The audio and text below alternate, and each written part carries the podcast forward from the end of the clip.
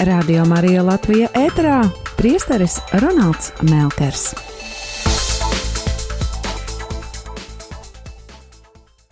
Labvakar!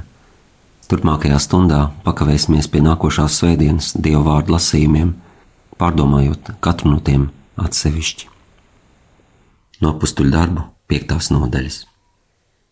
Virspriesteris apstuļiem jautāja sacīdams, vai tad mēs jums stingri neaizliedzām mācīt Jēzus vārdā, bet jūs lūk, piepildījāt Jeruzālemi ar savu mācību un gribat novirzīt uz mums šī cilvēka asinis. Bet Pēters un apstuļi atbildot sacīja: Dievam jāklaus vairāk nekā cilvēkiem.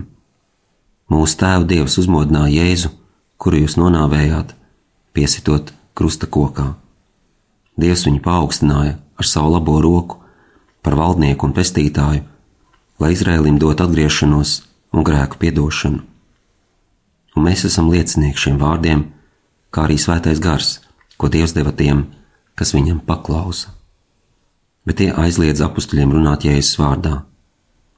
Pēc tam tie viņus atlaida, bet viņi no augstās padomas aizgāja priecādamies, jo bija atzīti par cienīgiem Jēzus vārda dēļ ciest negodu. Apstuļi ir tikko nošaustīti, tāpēc, ka ir uzdrošinājušies runāt Jēzus vārdā. Viņus palaiž vaļā un ejot ārā no augstās padomas, viņi, kā saka Lūkas, aizgāja priecādamies, jo bija atzīti par cienīgiem Jēzus vārda dēļ ciest negodu. Būtībā viņi aiziet tā kā būtu saņēmuši apbalvojumu. Un tā balva ir tas, ka viņi ir pēc būtības atzīti par praviešiem.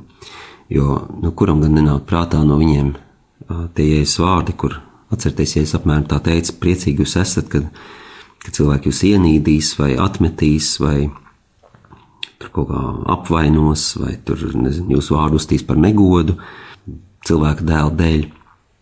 Priecājieties tajā dienā, jo jūsu alga debesīs ir liela.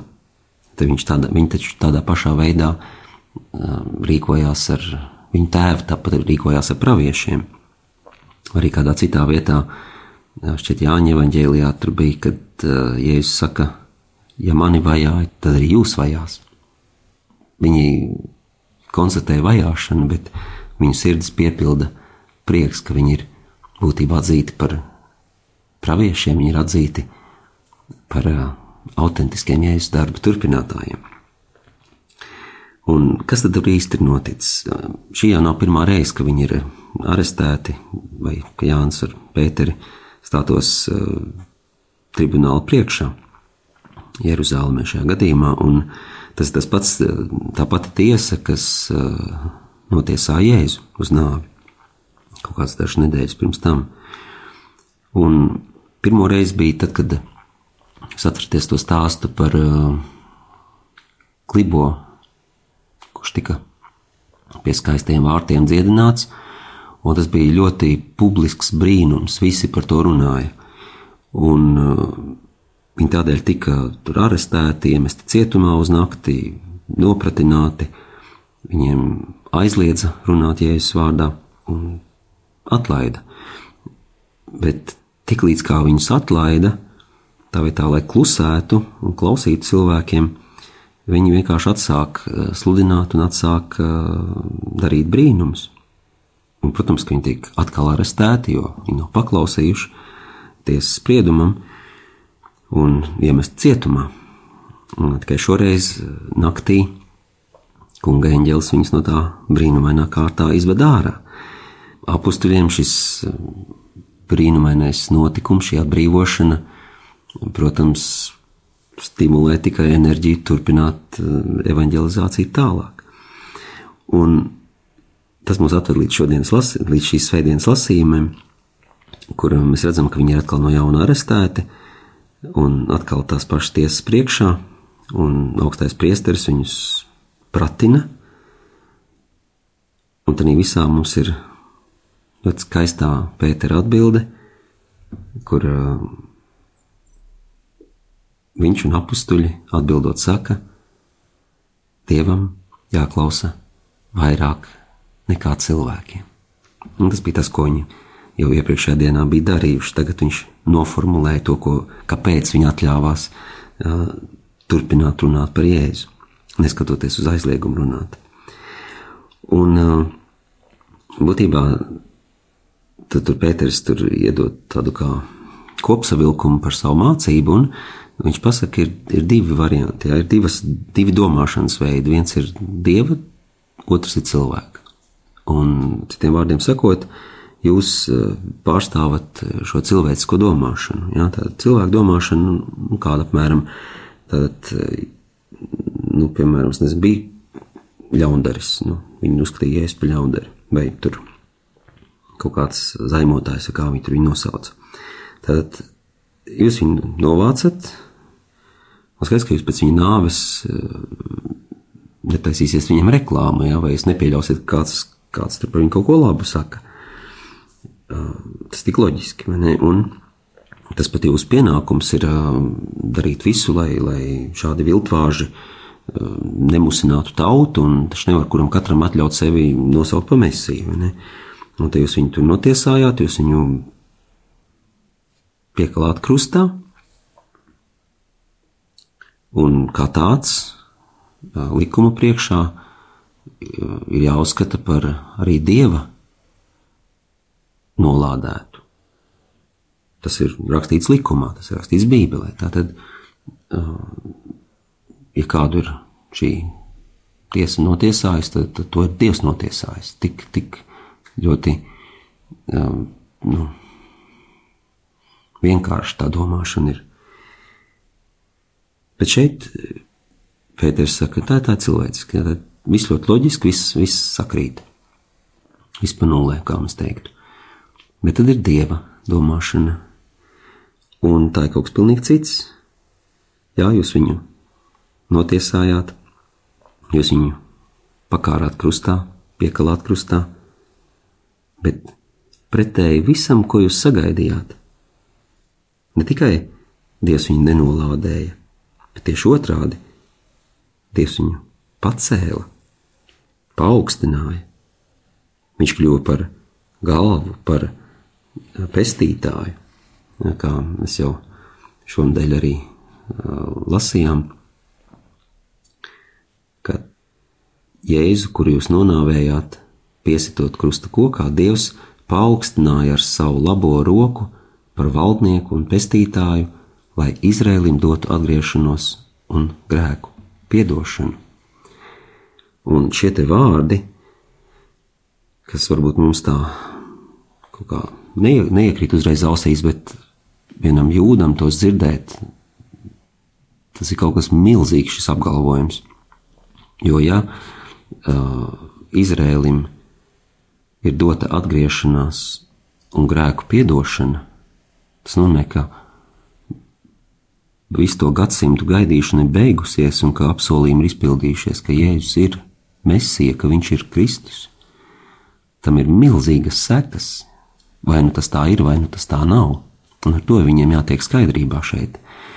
Un tā apstuļu absolūtā pārliecība, ko šķiet nekas nevar likt uh, apklusināt. Jū, tos jūdu tiesneši ieved nelielā izmisumā, un daži no viņiem sāk izskatīt uh, kā risinājumu no vienīgo loģisko - novākt viņus tāpat kā novāc jēzu. Vienkārši dabūt prom nav ko. Un, un te iejaucās viens pavisam, pavisam īpašs uh, cilvēks, Gamaliels, par kuru, diemžēl, šodien, šīs svētdienas lasījuma klusē, nu, mēs pārlecam pāri dažiem pantiem šajā piektajā nodaļā, kas ir ļoti, ļoti žēl. Bet uh, katram gadījumam atgādināšu, ja jūs būtu piemirsuši, uh, jo šī gamaliela domāšana būtu tāda parauga domāšana, kā mums vajadzētu domāt, tad, ja mēs, uh, kad mēs nonākam situācijās, kurās nezinu, ir kaut kādas iniciatīvas, kas mums īpaši nepatīk. Un uh, apstuļi ir pateikuši to, ka mēs esam. Mēs to dzirdējām šonadēļ, bija tajos lasījumos kaut kad, ka mēs esam liecinieki šiem vārdiem, kā arī svētais gars, ko Dievs deva tiem, kas viņam paklausa. Būtībā Pēteris pasaka, jūs neklausat svētiem garam šobrīd.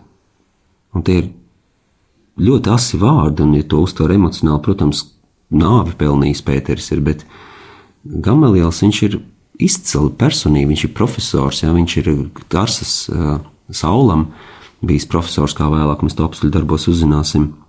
Viņš ir ļoti cienījams cilvēks un ne jau, ne jau bez pamata. Viņš ir um, farizējs ar lielo burtu, jo mums parasti farizējs skan kā tāds lamu vārds, liekulis vai es nezinu, kas mums nāk prātā, ka mēs dzirdam vārdu farizējs. Bet ļoti daudz no farizējiem bija, tā bija tautas garīgā elite. Un jau visi bija liekuļi. Un šis te gamaliels ir, ir, ir piemērs, piemērs tādam īstam cilvēkam, kas klausās. Viņš dzird tos Pētera vārdus. Tie vārdi ir briesmīgi, protams, vai ne? Mēs esam liecinieki un svētais gars, ko deva tiem, kas viņam paklausa. Bet Pēterim nav jāsaka, ka jūs neklausat svētajam garam, tas tāpat ir skaidrs. Un tad šis gamalielis noteikti viņam iekšā ir šī saruna pašam ar sevi, šī cīņa varbūt tās, jo tas ir vai nu viens vai otrs, kārtējo reizi vidusceļa nav. Un, un viņš to arī kā tāds godīgs uh, farizējs, kas meklē taisnību, kas meklē patiesību, viņš to iesaka arī darīt pārējiem tiesnešiem. Viņš pēc būtības saka, uh, te viens vai otrs, tad vai nu šis pasākums nāk no dieva, vai nu viņi ir tādi paši viltvāži, par kādu mēs uzskatījām to tur jēzus, vai ne? Un lūk, kāda, kāds varētu būt risinājums. Viņš, ja tas ir viņu pašu pasākums, tas ir tas, ko viņi sadomājušies, vai lai kāds būtu iemesls, ja tas nāk no cilvēkiem, tas pazudīs. Viņš tur min vairākus piemērus. Viņš, bet, ja tas ir no dieva, pirmkārt, jūs nevarēsiet likt tam pazust. Un otrkārt, jūs riskējat nonākt karā pret dievu. Viņš varētu vēl pieminēt pa starpam arī nedaudz par PR, ja, par to, kā mēs iztīsimies tautas priekšā, bet nu, šī gadījumā tā nav, tā, tās nav viņa rūpes. Ja. Viņš, viņa rūpes ir, ka tikai mēs nesākam cīnīties pret Dievu. Un, ja šodien mēs varētu Gamalielu ielūgt baznīcā, parādīt viņam pāris miljardu kristiešu pasaulē šodien, 2000 gadus vēlāk, es domāju, ka viņam būtu prieks. Prieks par to, ka viņš atstāja iespēju baznīcai augt. Es domāju, ka viņam acīs būtu prieka asaras, redzot, ka jā, tiešām tas ir no dieva. Cilvēku to nespēja iznīcināt. Un šeit nedomāju tikai par cilvēkiem no malas, kādiem tur mm, otomaņiem vai vēl kaut ko, bet ka mēs paši to nespējām iznīcināt.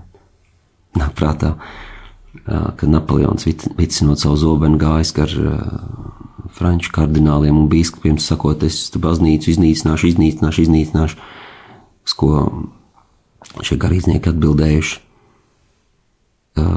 Bonaparte, mēs jau 17, 18 gadsimtus to mēģinām izdarīt, mums tas nav izdevies, jums arī neizdosies. Arī mums pašiem 2000 gadus vēlāk tas ir milzīgs iedrošinājums apzināties, ka baznīca turpinās pastāvēt, neskatoties uz mūsu vājumu. Jo tas, kā baznīca ir vadīta šos 2000 gadus, protams, atkal ar dažiem lieliskiem izņēmumiem, bet tā vispārējā bezatbildība ar kādu mēs attiecamies pret mums uzticēto misiju, kas reizēm teikt, teikt ka tā kā pēc analoģijas ar sabiedrību ar ierobežotu atbildību, daži saka, ka baznīca ir sabiedrība ar neierobežotu bezatbildību. Un neskatoties uz to, tā pastāv un tā pastāvēs līdz pat pasaules beigām,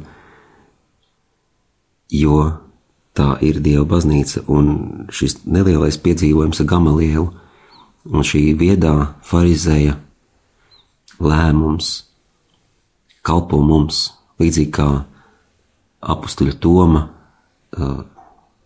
vēlme savu ticību pamatot faktos, par ko gan viņš saņem Jēzus nosodījumu, bet te pašā laikā mums tā kalpo kā papildus apstiprinājums ticībai, un tā šie gamalieli vārdi mums kalpo kā papildus garantija tam, ka ja baznīca pastāv, tā ir no Dieva. Cilvēciski. Nē, neviena organizācija nespētu pastāvēt pat gadsimtu tādos apstākļos, kādos, kādos baznīca, baznīcai nācās atrasties gadsimtiem, gadsimtiem ilgi. Radio Marija Latvija ēterā priesteris Ronalds Melkers.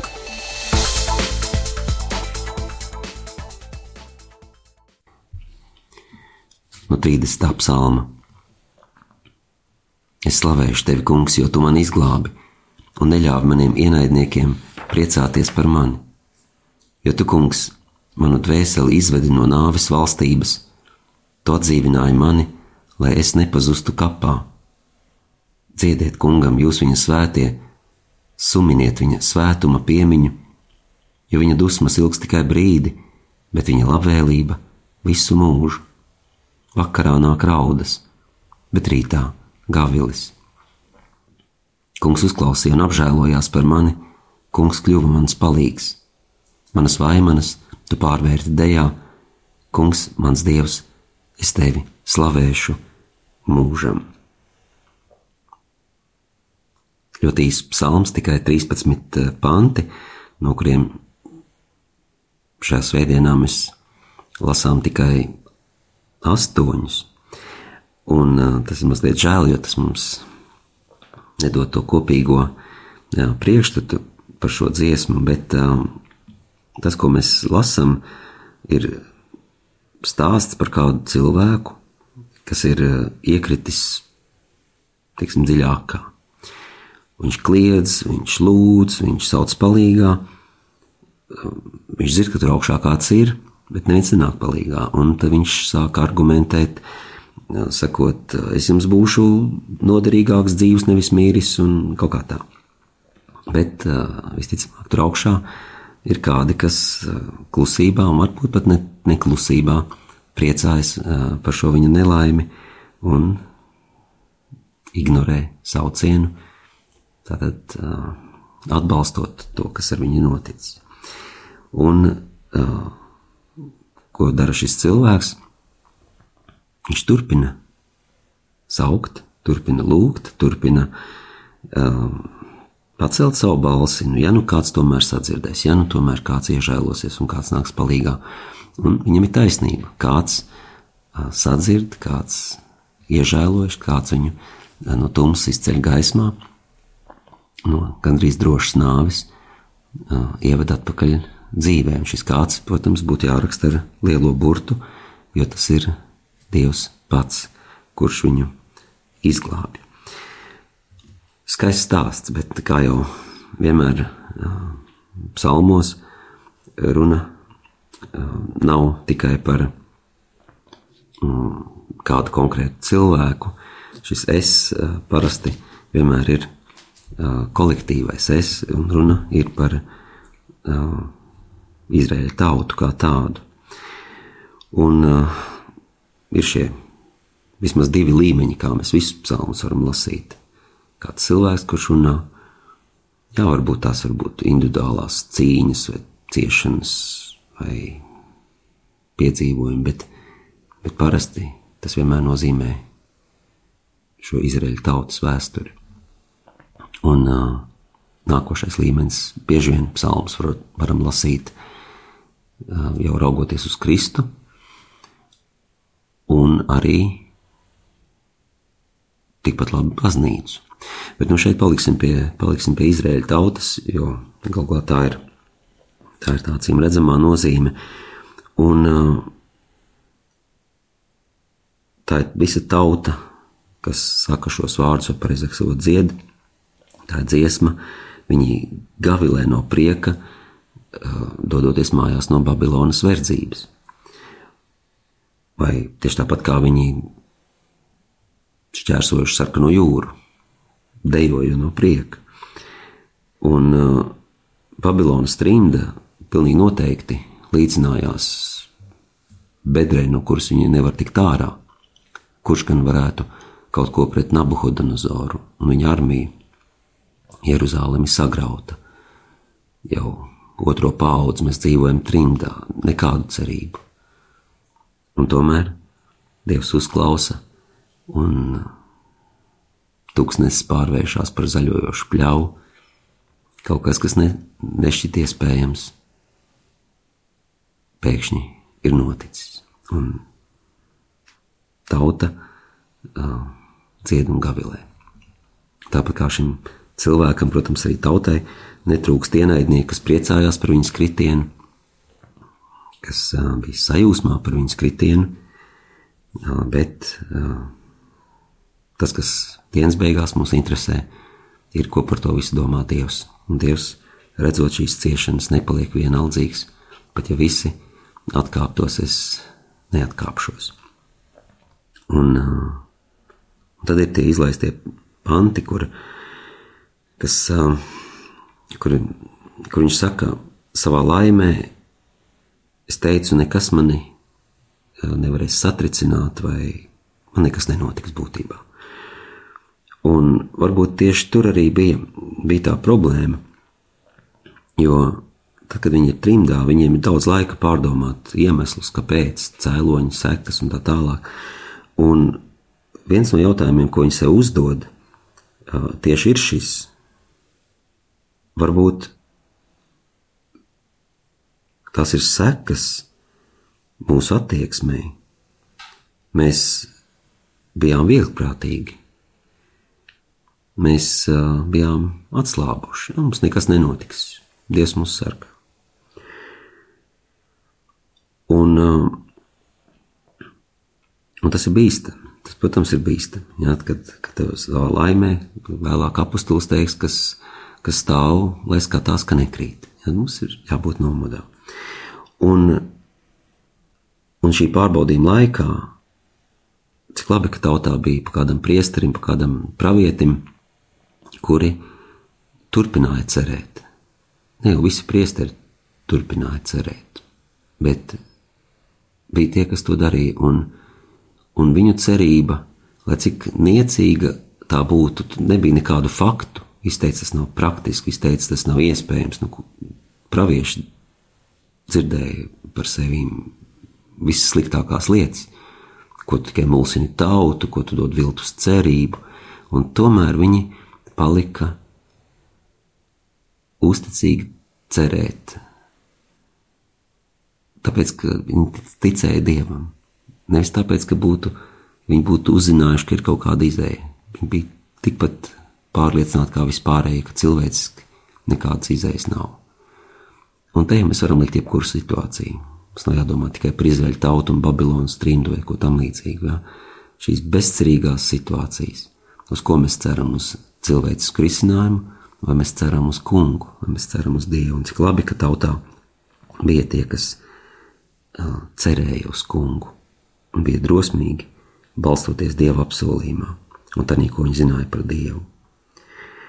Un, protams, tauta ir tauta, un tā argumentē, kā šis cilvēks, nu, kam es tev derēšu mīris, piemēram, jā, vai tur kāds labums no, būs no manīm, es būšu mīris. Jo, kāpēc viņi to saka? Tāpēc, ka viņi netic uz miesas augšām celšanos vēl. Jo mums šodien tas liek, liekas šķiet pašsaprotami, bet, bet tas atklāsmes pakāpeniskums vēl nav aizvedis viņus līdz ticībai uz augšām celšanos. Un Viņiem tas priekšstats, ka šeola tāda vieta, kur nekas nenotiek, ja tums, tumsas valstība kaut kāda. Un uh, Saka, priekš kam, kam tad tev derēs manas asinis, ja es nokāpšu kapā?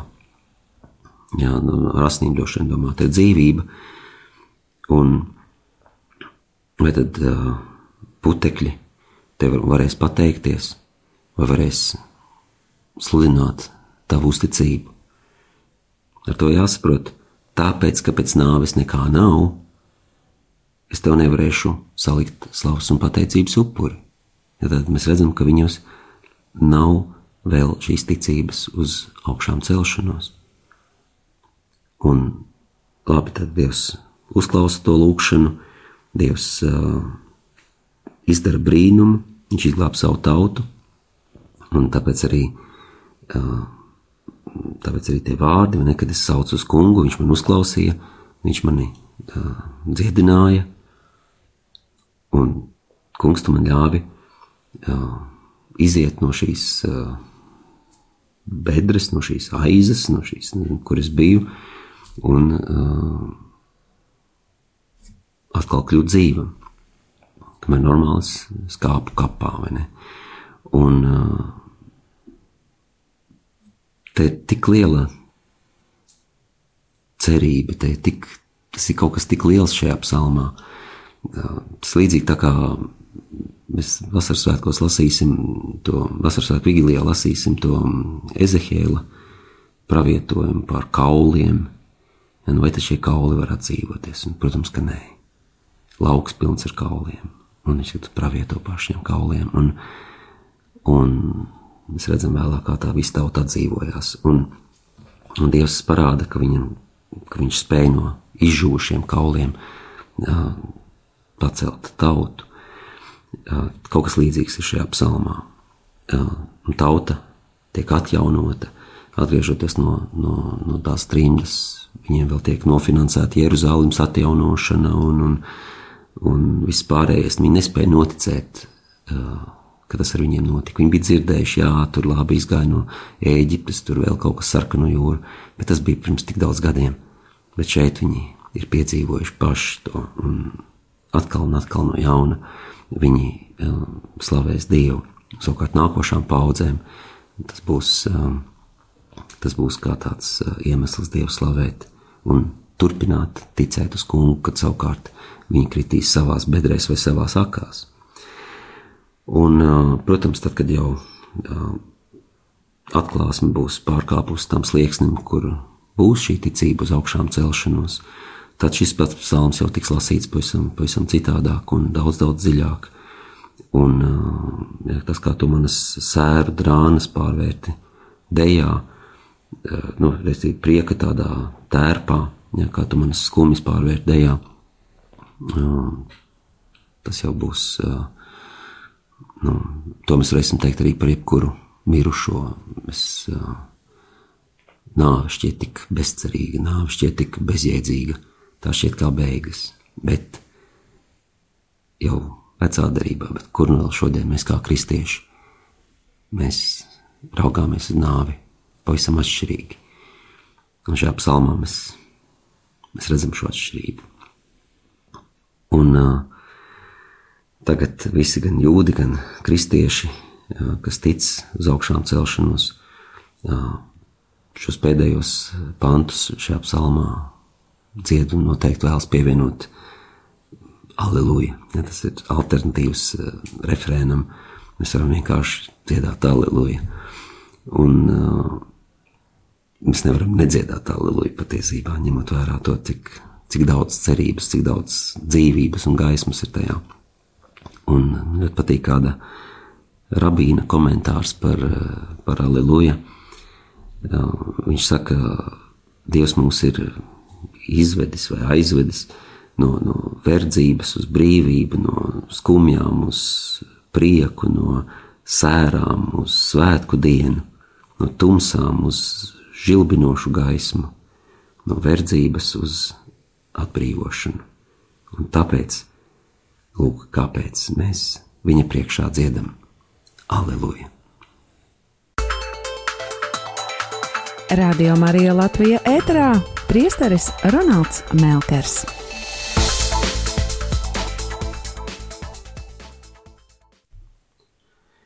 no Jāņa atklāsmes grāmatas 5. nodaļas.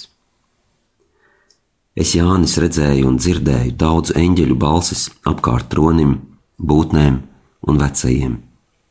Viņu skaits bija mirjādu mirjādas un tūkstoši tūkstoši, kas skaļā balsī sacīja: Jērs, kas bija nokauts, ir cienīgs saņemt varu un bagātību un gudrību un spēku un godu un slavu un pateicību. Arī visas radības, kas ir debesīs un virs zemes un zem zemes, un jūrā un visu, kas ir tajās, es dzirdēju sakām, tam, kas sēž tronī, un jēram, lai ir svētība, un gods, un slava, un vara mūžu mūžos. Un četras būtnes sacīja: Amen! Bet vecie noslīga pie zemes un atdeva godu. Lasījumi no Jāņa atklāsmes grāmatas mēs tiekam nostādīti vīzijas priekšā, un kā jau visas vīzijas, tajā, tajā ir tik daudz neparasta, tik daudz uh, nesaprotama. Tas, ko mēs zinām, un mums palīdz, ja mēs to ņemam vērā, kaut vai šo mazo fragment pārdomājot, ka visa atklāsmes grāmata patiesībā ir uzvaras dziesma. Debesīs miljoni, simtiem miljonu eņģeļu pilnā balsī sauc kaut ko līdzīgu, lai dzīvo valdnieks, slava ķēniņa vai kaut kas tam līdzīgs. Ne tikai eņģeļi, bet eh, visa pasaule, zeme, jūra, pazemē, viss, kas elpo, visi sauc tā kā tauta sauktu kāda jauna ķēniņa kronēšanas dienā, atzīstot varu, atzīstot savu padošanos šai vai pakļaušanos šai varai. Protams, ka šis jaunais ķēniņš ir Jēzus Kristus, jo viņš ir jērs, kas bija nokauts un tagad ir cienīgs saņemt varu un bagātību un gudrību un spēku, godu, slavu un pateicību, lai izteiktu šo Jēzus ķēnišķību. Šajā vīzijā ir izmantot ļoti simboliska valoda, skaitļi, attēli. Tā ir jebkuras apakalipses eh, vienkārši kā tāda literārā žanra, reizē bagātība un reizē arī, arī problēma vai grūtības, ko, ko, ko tas mums dod. Jo no vienas puses tikai, tikai simboliska valoda var, var runāt par Dievu vai Dieva pasauli, Dieva valstību. Mēs nevaram aprakstīt tehniski to, kas notiek Dieva valstībā. Mums vienkārši nav tādu vārdu, nav tādu konceptu. Un tāpēc dzēja vai šādas te, teiksim, vīzijas, simboli vienīgie var pretendēt apmēram pietuvoties. Pat Jēzus viņš par Dievu valstību parasti runā līdzībās. Tas ir kaut kas neizsakāms, neaptverams, neaprakstāms. Un tāpēc bija šīs krāsas un skaitļi un tā tālāk. Tie, tie nav tur nejauši, bet, kad mēs tos lasām, kā lai tos saprot? Un tur ir tā grūtība. Jā, tas ir skaisti, ja tā ir bagātība, simboliska valoda, tā atstāja vietu ļoti daudz interpretācijām, bet te pašā laikā, kura no viņām ir īstā, kā lai to saprot. Ja? Un mēs jau gribam visu ielikt tādos rāmīšos, mēs gribam visu saprast, bet šeit ir jāsaprot, ka tas nav iespējams, ka te vienmēr noslēpums paliks noslēpums. Un varbūt mums nevajadzētu pārāk uzticēties eh, savai tai intuīcijai, jo bieži vien mēs pārāk viegli ieraugam kādu simbolu un uzreiz piešķiram tam tādu kā birku, vai es nezinu, tas nozīmē to un to, un tas nozīmē to un to. Diez vai mēs to varam tā darīt. Un daži pat izcili teologi, mēs nevaram būt droši, ka viņa interpretācija ir pareiza jā, ļoti saprotam. It kā viss kļūst skaidrs, un tomēr mums jābūt pazemīgiem šo vīziju priekšā, šo simbolu priekšā. piemēram, izcils piemērs šīs sēdienas lasījumā - četras būtnes. Iepriekšējā nodaļā, Jāņa Klāsums grāmatā, tās aprakstīts kā četri dzīvnieki ar, ar spārniem. Mums ir lauva, mums ir uh, ērglis, mums ir uh, vērsis un ir viens, kuram ir tā kā cilvēka seja.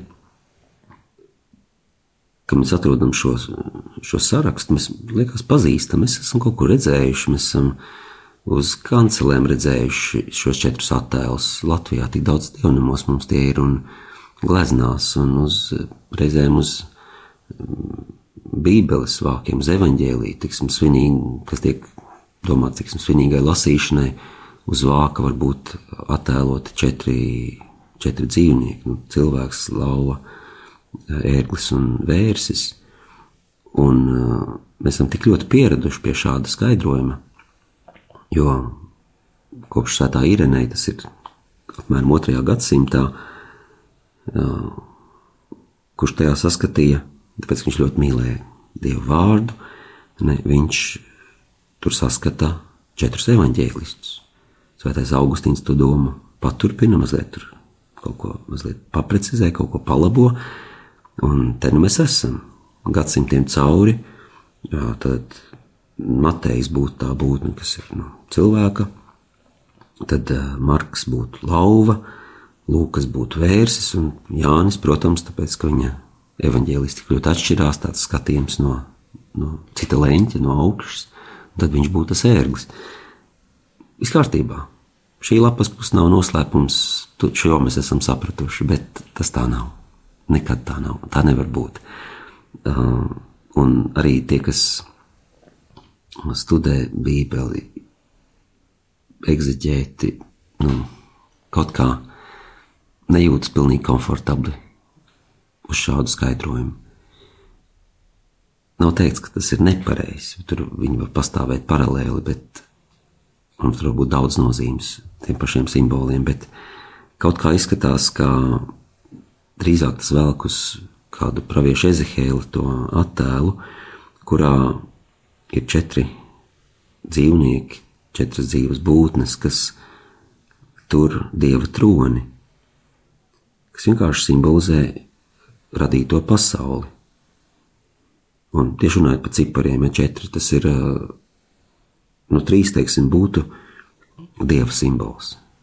Pirms visām dogmām par svēto trīsvienību, trīs nozīmētu dievu, četri, šodien tāpēc, ka ir četras debesu puses vai tam līdzīgi nozīmētu visu, ko Dievs ir radījis, šo pasauli.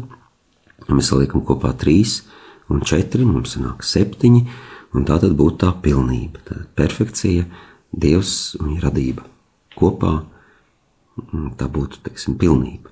Ļoti skaisti. Un savukārt seši, vai tur seši, seši, seši, tas jau būtu tāda mūžīgā nepilnība. Ja, tas, tas ir septiņi mīnus viens, ja, kas it kā tiecās, bet nekad nesasniedz. Un Un tagad, kad mums tiek teikts, ka šis jērs ir cienīgs saņemt varu, bagātību, gudrību, spēku, godu un slavu un pateicību, mēs redzam, ka tur ir pirmie četri termini, ir tas, kā mēs uh, pagodinātu cilvēku. Tas ir tie cilvēki, nu, kurš cilvēks nebūtu uh, pagodināts eh, ar varu, bagātību, gudrību un spēku. Tas, ir, tas attiecās uz cilvēku. Savukārt trīs, eh, trīs nākošie eh, gods, slava un pateicība tie pienākas dievam. Un tādā veidā, ņemot vērā, ka šis jērs ir Jēzus, un to atklāsmes grāmatas lasītāji zina, mums ir varbūt viena no skaistākajām vietām rakstos, kur tiek apliecināts, ka Jēzus ir patiesa Dievs un patiesa cilvēks. Viņam kā cilvēkam pienākas cilvēkam, kā Dievam pienākas tas, kas Dieva. tādā veidā mēs ne tikai atzīstam viņa cilvēcību un dievišķību, mēs tādā veidā atzīstam savu pakļaušanos tam, kurš sēž tronī, šim jēram. Tad, kad Jānis šeit uzsver, ka uzvarētājs ir jērs, kurš tika nokauts, tad kā cilvēka acīm uzvarēts, patiesībā viņš ir lielais uzvarētājs. Un tas lielais noslēpums, kas ne tikai šajā fragmentā vai Jāņa atklāsmes grāmatā, bet patiesībā visā jaunajā derībā, tas tā kā tiešām paradoks, īsts, īsts paradoks, kas mums šis kā pretruna pat gandrīz ir tas, ka tas, kurš valda pār pasauli, viņš kļūst tik mazs, tik ievainojams. Visu dzīvo mirušo tiesnesis ļauj sevi notiesāt kā noziedznieku. Viņš, kurš ir Dievs, pieņem, ka viņu apsūdz Dieva zaimošanā. Dieva vārdā mēs atmetām Dievu. Un Dievs ļāva tam notikt. Un te mēs nonākam līdz, līdz tam, kāpēc Jānis vispār raksta šo, šīs rindas, jo tas tiek rakstīts baznīcai. Un pirmā lieta, kas nāk prātā, ir krusta noslēpums. Vai pareizāk sakot, iejaunojums pat, jo krusts iejaunos vienmēr. Tas ir tas tā pirmā lieta, ko cilvēki vienmēr teiks, ja sāksies saruna par Dievu. Gribēs kaut kā aizstāvēties, vai, vai es nezinu, es kāpēc kā visiem liekas, ka viņi vienīgi to ir līdz kaut kam tādam aizdomājušies. Viņi saka, nu, ja Dievs ir, ir labs, tad tāds, kā es tur saku, tad, kāpēc notiek pasaulē tas un tas, kāpēc tas tur bērns nomira, kāpēc tur tas un tas notika. Un te mums ir, te mums ir atbilde. Un, un plus vēl tam visam ir starp jūdiem un, kristiešiem tādā laikā tā polemika, kas ne tikai par ciešanām kā tādām, bet tieši par Kristu, ja teiksim, jūdam, kā mēs pieminējām tajā psalmā par par to, kāds ir pītenī, kas tā bija, tā bija atkārtotā likuma grāmata, ja, kurā bija it kā viss atrisināts. Ja, tad, ja kāds ir notiesāts uz nāvi likuma vārdā, un šis nāves spriedums ir izpildīts, viņš tur ir nezinu, piekalts krustā, tad nozīmē, ka Dievs viņu ir nolādējis. Pār viņu ir kunga lāsts. Ja? Tad, un skaidrs, ja viņš tik piekalts krustā, tad viņš ir nolādēts, viņš nevar būt mesija pēc definīcijas. Un tā, tā ir viņu skaties, tur nekas nevar būt. Kristieši tajā pašā laikā, viņi, kas ir augšām celšanās liecinieki, viņi tajā saskata dieva darbu. Un uh, krusts nav lāsta, bet svētības vieta. Tā ir vieta, kurā, kurā dēls ir pagodināts.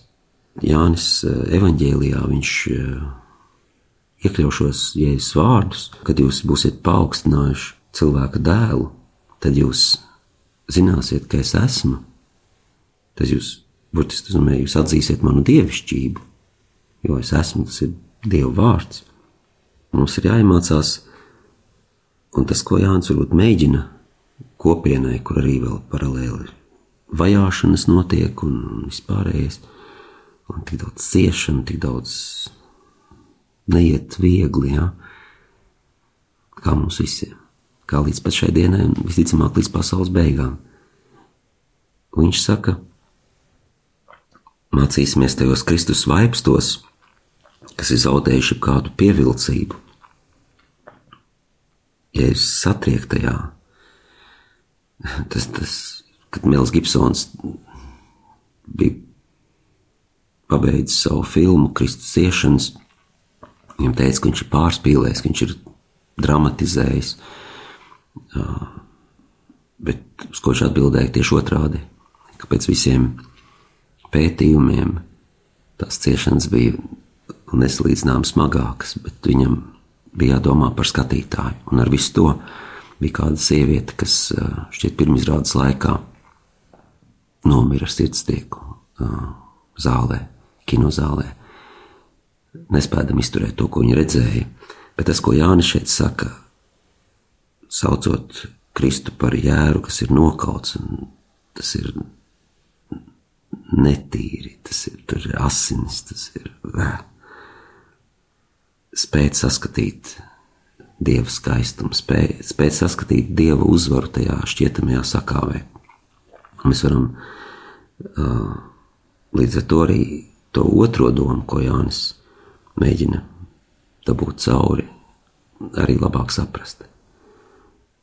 Un tas ir izturēt ciešanās. Jāņa atklāsmes grāmata tik skaisti to vēlāk pateiks, kas izturēs līdz galam, tas saņems dzīvības kroni. Un Jāņa uzdevums visu šīs grāmatas garumā ir iedrošināt kristiešus nezaudēt cerību, izturēt ciešanās, jo mīlestība ir uzvarējusi naidu. Dzīvības spēks ir lielāks par nāves spēku. Tā ir šīs Jāņas klāsmas grāmatas jā, galvenā vēsts, ko Jānis raksta draudzēm un, protams, visai baznīcai.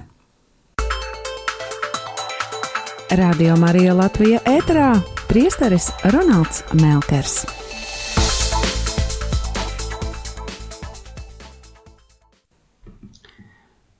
No Jāņa evaņģēlī 21. nodaļas. Jēzus pēc savas augšām celšanās parādījās mācekļiem pie Tibērijas jūras. Viņš parādījās tā. Tur bija kopā Sīmanis Pēteris un Toms, ko sauca par Didimu, un Atanēls, kas bija no Galilejas kānas, un Zebedēja dēli un divi citi no viņa mācekļiem. Sīmans Pēters viņiem teica: Es eju zvejot. Tie viņam atbildēja: arī mēs ejam tev līdzi.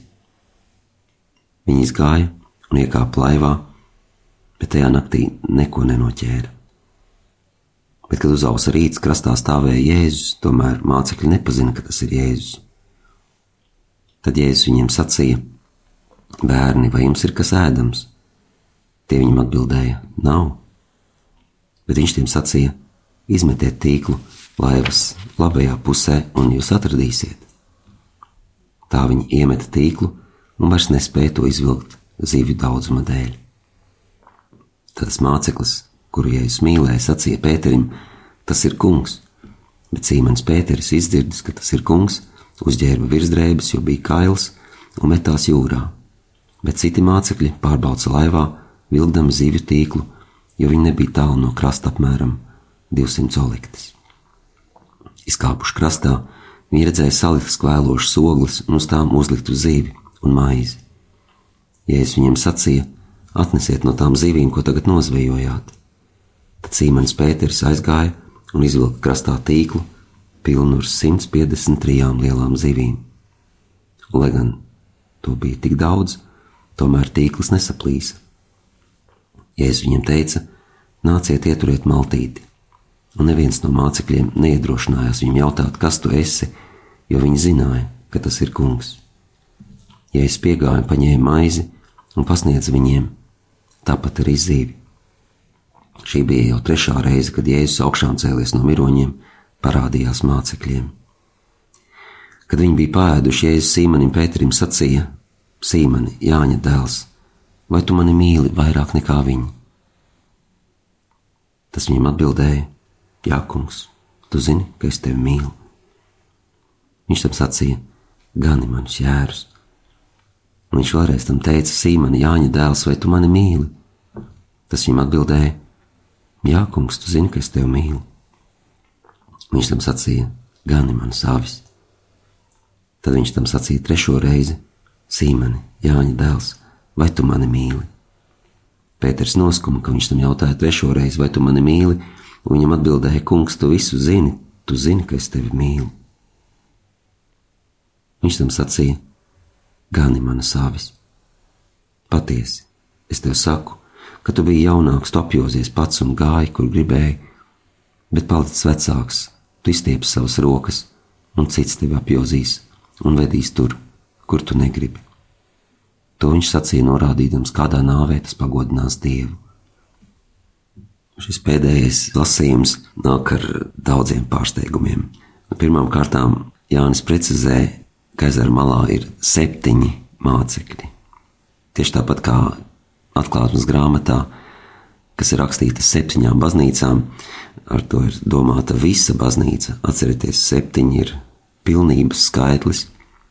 Tāpat arī šie septiņi mācekļi visticamāk nozīmē, ka runa ir par katru Kristus mācekli, par visiem mācekļiem visos laikos, mūs ieskaitot par visu baznīcu. Otrais eh, pārsteigums varētu būt, ka Jēzum uz oglēm jau ir zivs un maize, un tad viņš prasa, lai apstuļi atnes no tām zivīm, ko viņi ir nozvejojuši. Un uh, Jēzus valodā zveja ir evanģelizācijas uh, simbols, un viņš pats Pēterim saka, es to darīšu par cilvēku zvejnieku. Un uh, uh, tas pasaka, ka Jēzus mums iet pa priekšu šajā evanģelizācijā, bet te pašā laikā viņš sagaida no mums mūsu sadarbību. Nākošais pārsteigums ir, eh, protams, eh, galvenais jā, ir šis dialogs, kas ir starp Jēzu un Pēteri. Un, uh, mēs viņu nevaram saprast, lasot latviešu, vai arī gandrīz nevienā citā valodā, patiesībā, kur tas ir pārtulkots.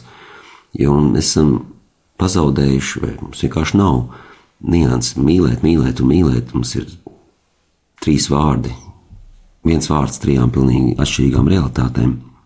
Un šeit ir divas no tām.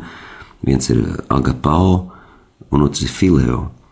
Un Jēzus vispirms uzdod jautājumu, izmantojot darbības vārdu agapao, kas nozīmē to bez ierobežojumiem, pilnīgu, bez noteikumiem, nerēķinošu, totālu mīlestību. Viņš prasīs, vai tu mani uh, mīli ar šādu mīlestību, kā es tevi mīlu, ar šādu beznosacījumu mīlestību. Un Pēteris, kurš ir piedzīvojis nodevības rūkumu, kurš uh, jūtās tik neadekvāts, tik ievainots, pat varbūt uh, ar savu vājumu, ko viņš ir atklājis. Jo atcerieties, pirms tam viņš teica, ne mūžam to nenodošu, tur uz tavu dzīvību atdošu, bet realtātē patiesība, fakti atšķīrās no, no šīs viņa ilūzijas, un viņš neuzdrošinās. Viņš atbild ar, jā, jā, es tevi mīlu, bet viņš izmanto pilnīgi citu vārdu. Tas ir tas fileo, kas ir draudzība, kas ir tāda, jā, jā, tu man patīc, bet Tā nav šāda totāla, pilnīga mīlestība.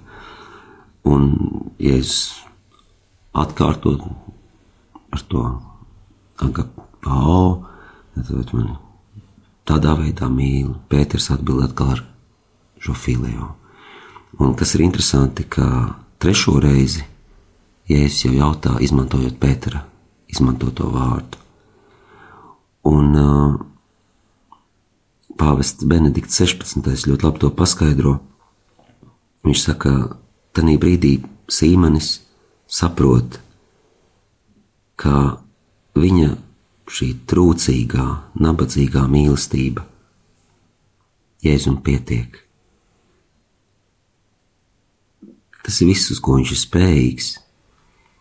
Un varētu teikt, ka Jēzus piemērojas Pēterim nevis Pēters Jēzum. Un tieši šī dievišķā piemērošanās ir tā, kas dod cerību māceklim, kurš ir pazinis neusticības ciešanas. No šejienes dzimst paļāvība, kas viņu darīs spējīgu sekot Kristum līdz pat beigām. Tad katreiz Jēzus balstās uz šo Pētera piekrišanu, un viņš uztic viņam misiju, tad kalpot kopienai. Viņš saka, esi uh, gans manām avīm, pa maniem jēriem. Un, un tas parāda, ka mūsu attiecības ar Dievu, kuras mēs parasti ļoti individuāli veidojam, kā manas attiecības ar Dievu, ka tas ir vienīgais, kas ir svarīgi. Šeit tas iet daudz plašāk. Tam nav jēgas, tas nebūs patiesībā. Kā tikai tad, ja tās piepildīsies misijā, kalpojot citiem. Un Jēzus precizē, gan manas avis. Tad viņš tiek, Pēters tiek ielūgts tajā atbildībā, kas ir Kristum par mums visiem viņš nekļūst par šī, nezinu, ganāmpulka īpašnieku, bet viņš turpmāk rūpēsies par Kristus ganāmpulku, un tādā veidā tiks pārbaudīta vai pierādīta viņa mīlestība uz Kristu. Svētais Augustīns komentēs, ja tu mani mīli, tad nedomā, ka tu esi gans, bet gani manas avis, kā manējās, nevis kā savējās. Un kāpēc tad vēl šis uh, pēdējais, ja es jautājums, vai tu mani mīli vairāk nekā šie? Noteikti tas nav domāts kā atlīdzību par labu uzvedību. Tieši otrādi, tas ir tāpēc, ka es tev uzticu šo pienākumu. Tev vajadzēs, lai tu mani mīli vairāk. Jo mēs katrs nesam kaut kur atbildību, katram no mums ir kaut kur autoritāte. Un, ja es runāšu šeit ar katru no mums, autoritāte, kas mums ir uzticēta, vai baznīcā, vai ārpus tās. Vispirms sevī satur šo prasību.